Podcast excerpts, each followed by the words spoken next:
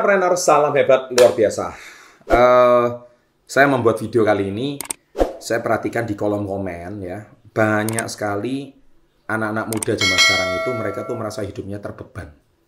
Yang DM Instagram saya, yang email saya, tidak sedikit yang merasa beban hidupnya itu berat sekali. Saya nggak tahu seberat apa beban hidup Anda, tapi pesan saya satu, di sini ada empat cara praktis untuk mengangkat beban hidupmu. Saya jamin kalau Anda jalankan empat cara praktis ini, beban hidupmu akan jauh lebih ringan. Apa saja selain satu ini.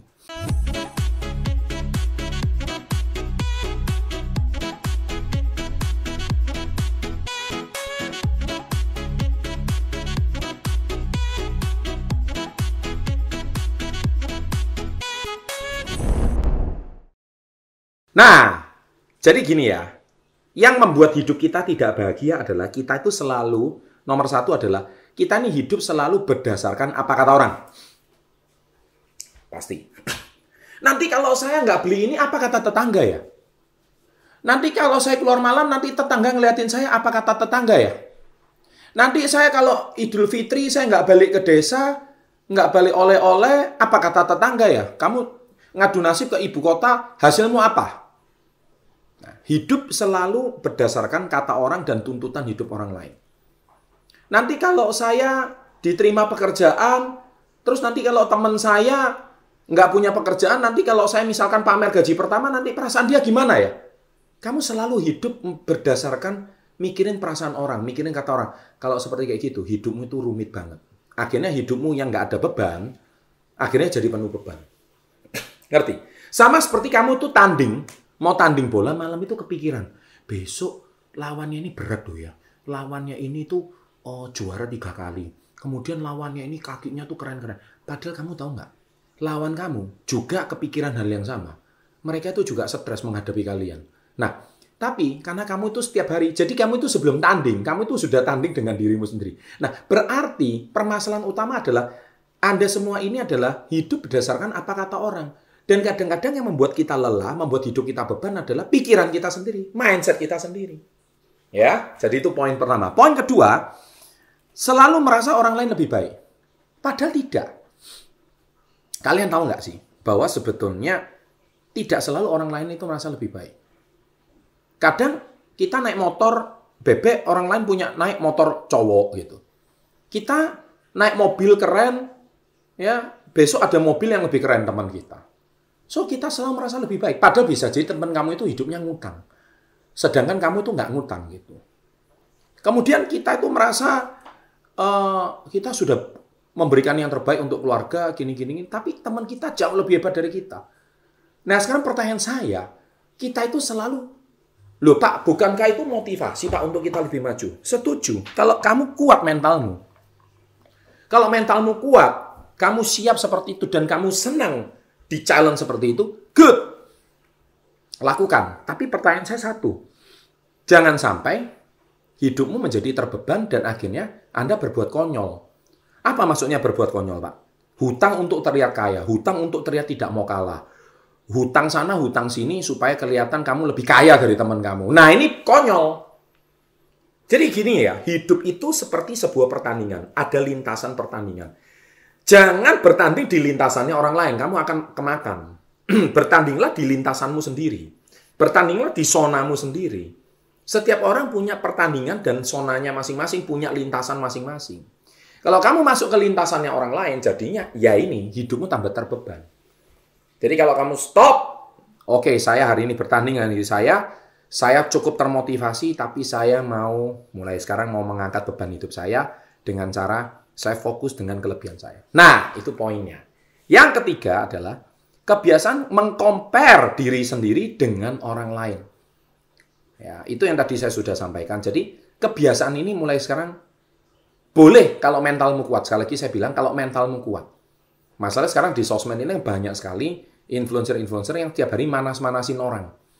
Ya, sehingga Anda merasa hidup Anda itu kok merasa miskin terus gitu. Merasa diri Anda nggak punya apa-apa terus. Padahal tidak. Padahal tidak. Hidup Anda itu tidak seperti itu. Hidup Anda itu harusnya jauh lebih baik daripada orang lain. Niscaya, ya. saya punya satu tips, poin ketiga ini. Kebiasaan membandingkan diri sendiri dengan orang lain. Nah, membandingkan diri sendiri dengan orang lain itu kan membandingkan diri sendiri dengan orang lain yang levelnya lebih di atas Anda. Coba mau nggak Anda hari ini membandingkan dengan orang yang levelnya jauh, status sosialnya di bawah Anda. Contoh, jadi kalau Anda hari ini punya motor, eh di bawah kamu masih banyak orang belum punya motor. Kamu hari ini punya pekerjaan, di bawah kamu itu banyak orang yang belum punya pekerjaan. Kamu hari ini punya income 2 juta, 3 juta satu bulan. Banyak orang yang belum punya pekerjaan. Bahkan anaknya dua, dipecat dari pekerjaan, tapi dia masih nggak punya pekerjaan sampai hari ini. Bukankah kamu harusnya bersyukur?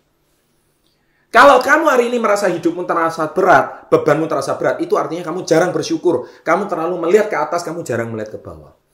Itu tips dari saya. Dan yang keempat, yang terakhir, kebiasaan kamu tidak pernah puas dan tidak pernah bersyukur. Tadi saya sudah bilang. Jadi, uh, rasa cukup itu penting menurut saya.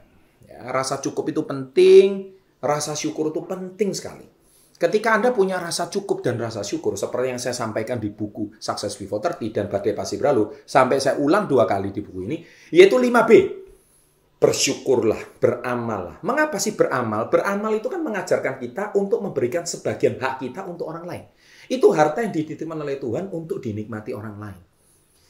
Dan saya percaya kalau saluran rezeki itu kita berikan pada orang lain, kita niscaya kita akan terima saluran rezeki yang lain.